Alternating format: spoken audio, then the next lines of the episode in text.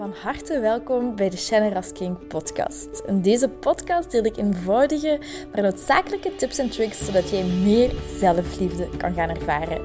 Want guess what? Je zit het fucking waard om van gehouden te worden. Ik heb er heel veel zin in en ik hoop jij ook. bye bye. Hey lieve. Ik was een post aan het maken, aan het schrijven om op Instagram te posten. En er kwamen zoveel meer nuances en zoveel meer inspiratie op met dat ik het aan het schrijven was. En uh, mijn post gaat over uh, uw partner niet willen kwetsen. Klinkt nobel, maar is het niet. En terwijl ik aan het schrijven was, zoals ik daarnet zei, besefte ik: wow, hier zitten zoveel meer lagen onder. En dit is eigenlijk zoiets wat heel genuanceerd is. En daarmee wil ik, ehm, heb ik deze podcast opgenomen, omdat ik zoiets heb van oké, dit uh, voor de mensen die daar dieper in willen gaan, um, wil ik de nuances graag geven. En voilà, bij deze daarom. Dus de stelling is, als je je partner niet wilt kwetsen, dan denken we ergens dat dat nobel is van ons. En dan denken we dat dat goed is van ons. Terwijl eigenlijk het tegenovergestelde waar is. En uiteraard, ik kwets ook niet graag iemand. En iemand die graag iemand pijn doet, dat is een psychopaat. En ehm, daar wil ik helemaal niet naartoe gaan. Het feit dat je iemand niet graag kwetst, getuigt van uw, uw empathie en je inleving en je goede intenties en dat je anderen geen pijn wilt doen. Dus dat in eerste instantie. Maar wanneer wij iemand niet pijn willen doen, en ik spreek nu even over onze partner, wanneer wij onze partner niet durven te kwetsen en wij zeggen iets niet uit schrik dat hem dat pijn zal doen.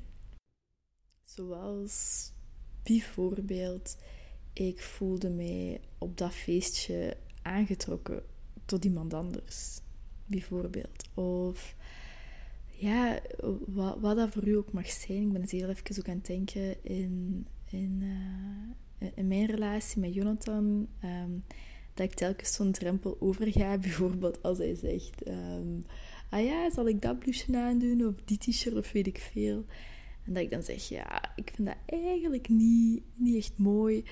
Um, kunnen van die kleine dingen zijn, kunnen grotere dingen zijn, zoals bijvoorbeeld zeggen van ja, ik, ik twijfel in onze relatie of ik verlang naar, naar meer, um, naar iets meer, wat, het voor u ook mag zijn, naar iets meer mannelijkheid of meer initiatief of leiding of, of wat dat voor u ook mag zijn.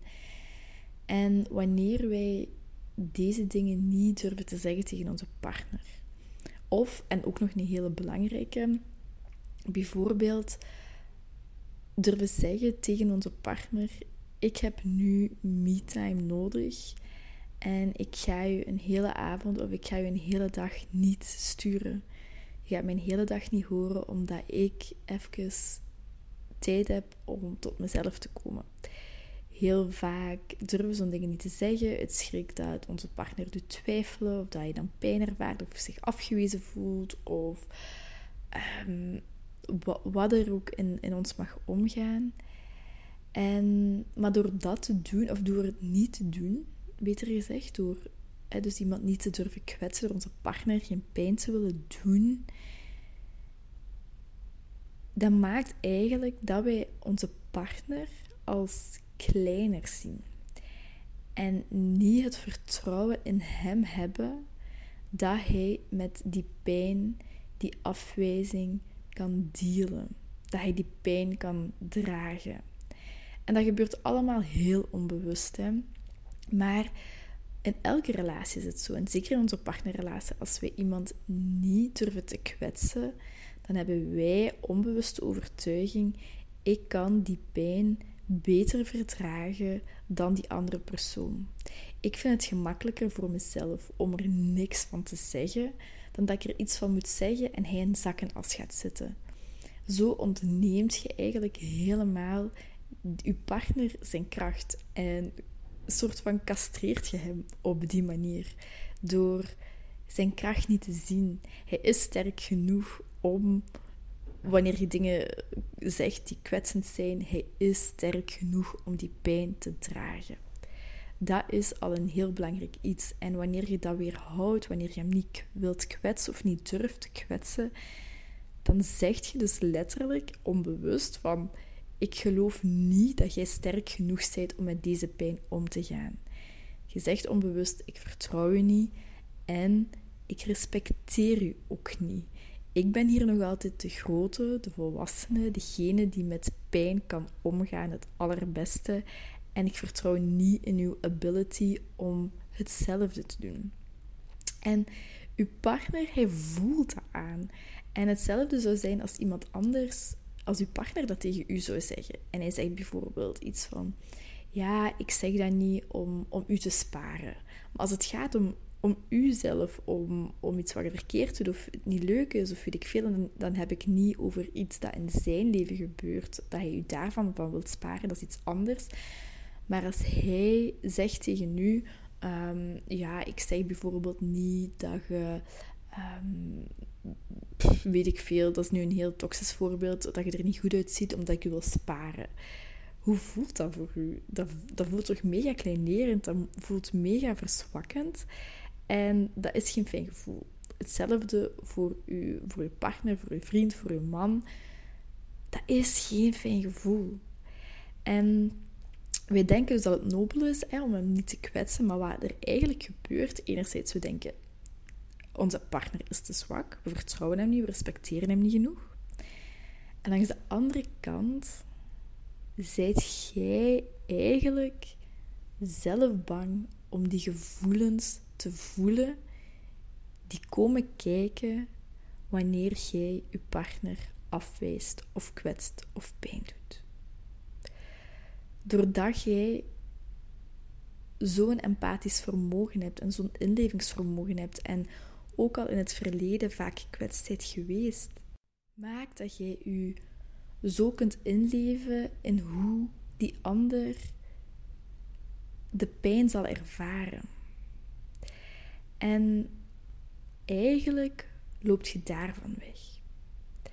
Dus het is tweeledig, zoals ik zeg. Enerzijds wilt je niet dat de andere persoon um, gekwetst wordt, waardoor je eigenlijk zegt van je bent zwakker. En langs de andere kant loop je zelf weg van de pijn die dat doet wanneer je iemand kwetst.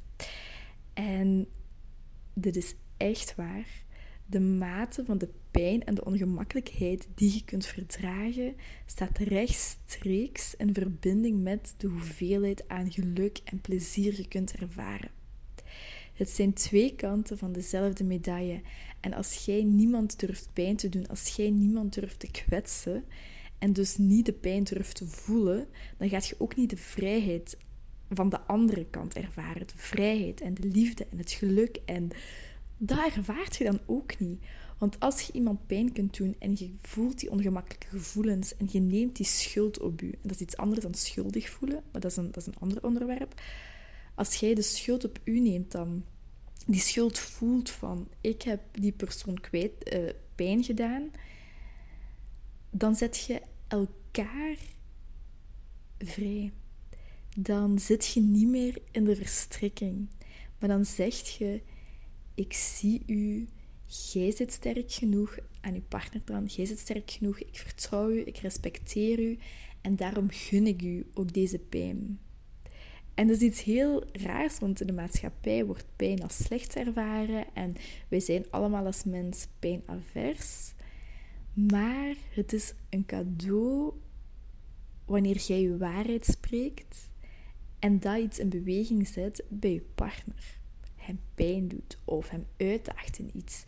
Dat is zo'n cadeau die je aan jezelf en aan hem kunt geven en in je waarheid dan ook blijven staan. En vanaf het moment dat je zegt oh nee, maar sorry, sorry, sorry, en, dan gaat je terug in de verstrikking. En het is echt even terug die pijn doorvoelen. En tuurlijk kun je zeggen, het is niet mijn bedoeling om je pijn te doen en om je te kwetsen. Maar dit is, ik heb echt even tijd voor mezelf nodig. En ik wil nu drie, vier uur gewoon even geen contact hebben. Ik zeg maar iets. Ehm, en voor mezelf kiezen. Hetzelfde kan gewoon op je werk zijn en ze verwachten nu op een, op een vergadering op een bepaalde dag, maar je had op voorhand al die dag verlof genomen en je hebt iets gepland en je voelt dan die schuld van, oh my god, ik moet eigenlijk op mijn werk zijn, ze verwachten mij daar. Maar ik heb nu al, iets anders gepland en je raakt helemaal in de, in, de war en in de moeilijkheden. En van, oh nee. En dat gevoel, dat voor jezelf kiezen. Maar door het voor jezelf te kiezen, door die pijn te doorvoelen, maakt dat je allebei echt gewoon um, er beter uitkomt. En dat heeft ook heel erg te maken met te connecteren met je, met je feminine. Want connecteren met je feminine wil zeggen communiceren vanuit je hart. En geconnecteerd zijn met je hart in plaats van je hoofd, in plaats van controle. Uh, connecteren met je feminine, dat zorgt, dat zorgt, hoe ga ik het duidelijk uitleggen? Um, dat, dat brengt iets teweeg bij je partner. Waardoor je meer passie, meer polariteit creëert, meer connectie, meer vertrouwen, intimiteit. En door dat te doen, dan gaat je merken van, hmm, mijn partner wil ineens meer tijd met mij spenderen. Hmm, mijn partner die neemt ineens initiatief en leiding en die neemt mij nu ineens op date mee en hij kiest voor een restaurant en hij vraagt niet telkens om mijn mening. Um, hij neemt de financiën in, in, uh, in zijn verantwoordelijkheid. Hij doet meer in het huishouden, heeft zo meer die verantwoordelijkheid. Hmm. En dat creëert op, op zijn of haar beurt opnieuw vertrouwen. En dat vertrouwen heb je terug nodig om de andere persoon opnieuw pijn te durven doen. Dat vertrouwen dat de andere persoon niet weggaat. Dat vertrouwen dat jij niet weggaat wanneer het moeilijk wordt. En de key is echt telkens om te connecteren met onze feminine. En daar hoort bij onder andere connectie met ons hart en de andere persoon pijn te durven doen.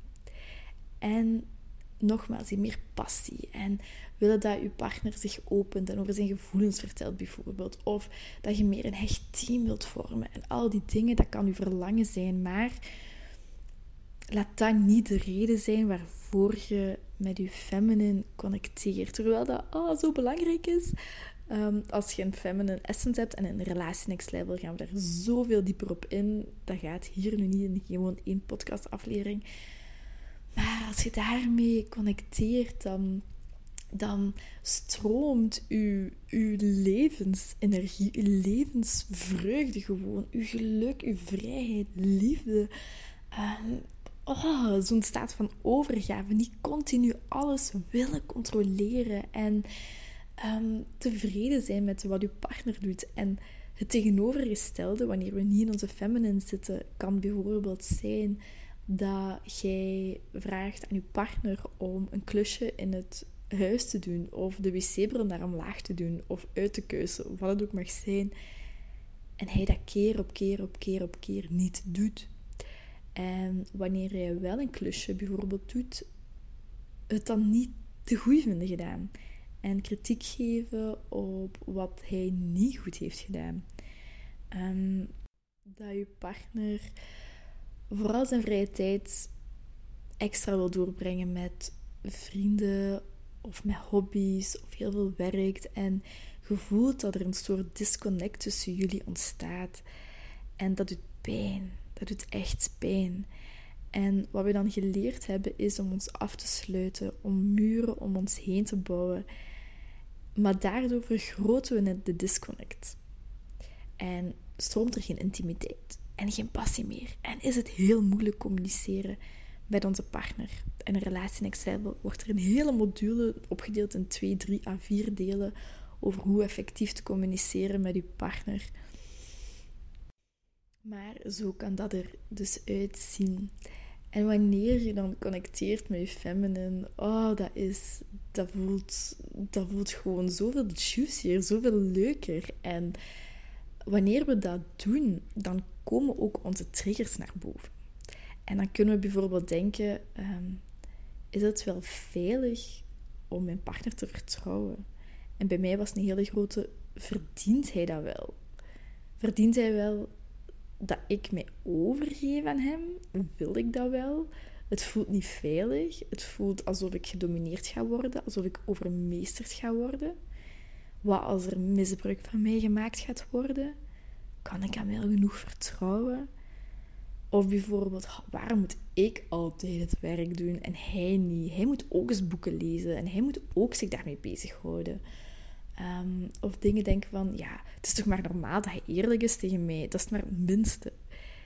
En hoewel dat allemaal legit is en dat dat helemaal normaal is en oké, dat zijn onze schaduwkanten. Dat zijn onze, onze wondes waarin wij gekwetst zijn geweest door de masculine, door mannen in het algemeen. En waardoor we ons gaan opsluiten zijn, die muren om ons heen gaan bouwen. Maar daardoor, dat zorgt voor zoveel disconnect met onszelf, met onze partner. En het ding waar we naar verlangen, als mens verlangen we gewoon naar verbinding. Dat is waar we voor leven. En die verbinding kan er alleen zijn als we ons hart leren openen. Als we onze schaduwkanten durven aankijken. Als we durven te gaan voelen wat onze triggers zijn en welke gedachten daaronder liggen. En wij, we dragen ook generationeel trauma met ons mee. En epigenetica is daar een heel... Is, is, een, is, een science, is een science daarachter dat je minstens drie tot vier generationele trauma's, of tot drie tot vier generaties voor u meedraagt qua trauma, dat dat letterlijk in uw DNA zit. En dat wil dus ook zeggen oorlog en verkrachtingen en um, dat is dan wel van langer geleden, maar heksenverbrandingen. Verbrandingen, ehm, al die dingen, dat zit, dat dragen wij nog mee. Dat is een collectief pijnlichaam van vrouwen die wij meedragen. En voor mannen is dat ook zo. Alleen hebben zij bijvoorbeeld, dat gaat over generaties van Wereldoorlog 1, Wereldoorlog 2 terug, oorlogen waarin zij mensen moesten vermoorden om zelf te kunnen overleven. En dat maakt dat zij zich moesten afsluiten, dat zij hun hart moesten afsluiten. Want anders konden ze niet overleven. Als ze op dat moment moesten voelen van, oh, doet mij dat voelen? Ja, dan werden ze zelf neergeschoten. Dus dat is ook generationeel trauma langs de mannen hun kant dat, ehm, dat leeft. En dat wil ik zeggen om helemaal dingen goed te praten, helemaal niet.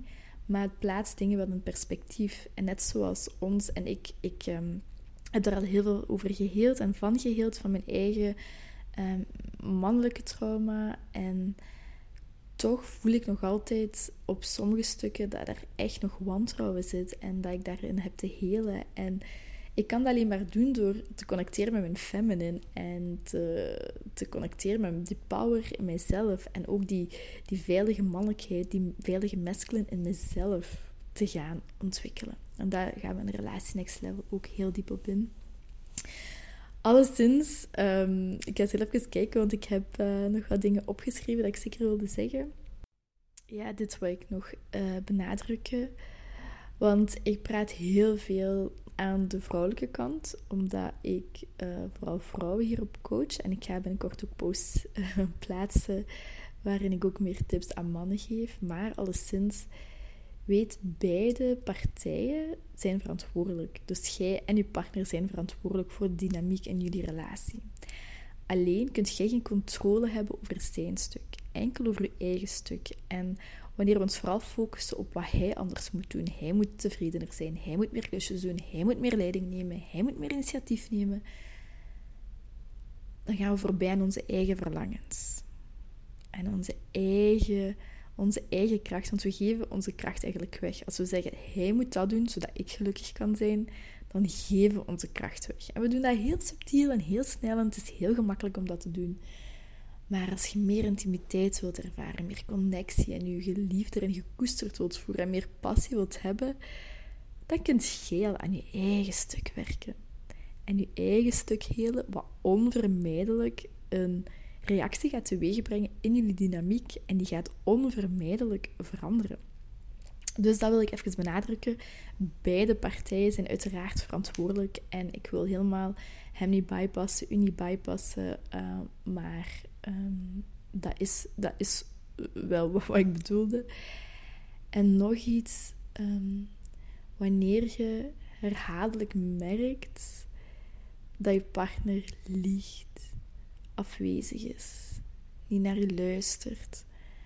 Um, als hij herhaaldelijk dat gedrag heeft, dan is het aan u om voor uzelf te zorgen. En dan te gaan kijken, oké, wat, wat, wat doet het met mij? En um, de tools eigenlijk connecteren met die feminine en de tools gebruiken qua communicatie om te laten zien hoe belangrijk dat voor u is, uw hart te laten zien. Maar als hij herhaal, herhaaldelijk laat zien dat je niet op hem kunt rekenen, dat hij niet veilig is, dat hij eigenlijk niet te vertrouwen is, dan heb je voor jezelf te zorgen, voor je hart te zorgen en eventueel een beslissing te maken om erbij weg te gaan. En wanneer je dat niet durft, wanneer je dat niet doet omdat je hem gewoon heel graag ziet, dan is dat uw wonde en dan is dat uw schaduw waar je hebt naar te kijken, uw verlatingsangst, uw ding dat jij niet wilt voelen. Ik heb een relatie, het was een hele korte relatie gezeten, waarin hij herhaaldelijk tegen mij loog. En waarin ik herhaaldelijk berichtjes en foto's heb gevonden en um, dat was langs mijn kant ook helemaal niet proper om, um, om, om dat te bekijken. Dat is mijn stuk daarin. Maar herhaaldelijk um, bleven wij in die dynamiek en toch wilde ik niet weggaan omdat ik ergens zoiets had van allee, en ik zie hem toch graag en waarom kan dat nu niet en jawel, ik wil hem geloven en dan toch diep van binnen zo hard voelen dat hij gewoon niet te vertrouwen is en dan was het mijn beslissing om weg te gaan. Wat ook gebeurd is en wat mij zoveel meer kracht heeft gegeven. Maar als jij een partner hebt die, die goed voor u is, en daar bedoel ik qua basis goed. Niemand is perfect, hè? Niemand. En dat zult je ook wel weten, maar ik bedoel ook niet dat hij altijd perfect gaat moeten reageren op u en al uw verlangens zal invullen. It's impossible. Maar iemand die verantwoordelijkheid neemt voor zijn acties, voor zijn gedrag, voor zijn gevoelens. Iemand die bereid is om zijn eigen stukken aan te kijken. Iemand die respect heeft voor u. Dan is het echt de moeite om hiermee te experimenteren. Om in je feminine te komen en mm, zoveel meer juice in jullie relatie of je toekomstige relatie te gaan creëren. En om zo ook controle los te laten. Een behoefte aan controle los te laten. Ik was er over laatst met mijn beste vriendin over bezig. En hoe we als vrouw zo snel in een controle kunnen schieten. Want um, een, haar, partner ging een restaurant uitkiezen. En ze had iets in haar hoofd dat romantisch en heel leuk ging zijn. Um, maar als ze daar dan aankomen, dan is dat eigenlijk totaal iets anders dan dat ze verwacht had. En dan heb je zo het gevoel van, oh, ik moet het hier ook allemaal zelf doen, of het gebeurt niet. Ehm, of dat we allemaal zo het perfect in ons hoofd hebben en het moet perfect volgens ons plan gaan. Ehm, ik heb dat bijvoorbeeld als dan zegt, ja, ik zal de afwas wel doen van A tot Z. En dan, dan doet hij dat en dan kom ik kijken in de keuken en mijn A tot Z is een andere definitie van zijn A tot Z. Maar in plaats van dan kritiek te geven op, alleen kun je die twee glazen ook niet in de kast te zetten, bijvoorbeeld. Ik moet er nog aan lachen als ik erover nadenk.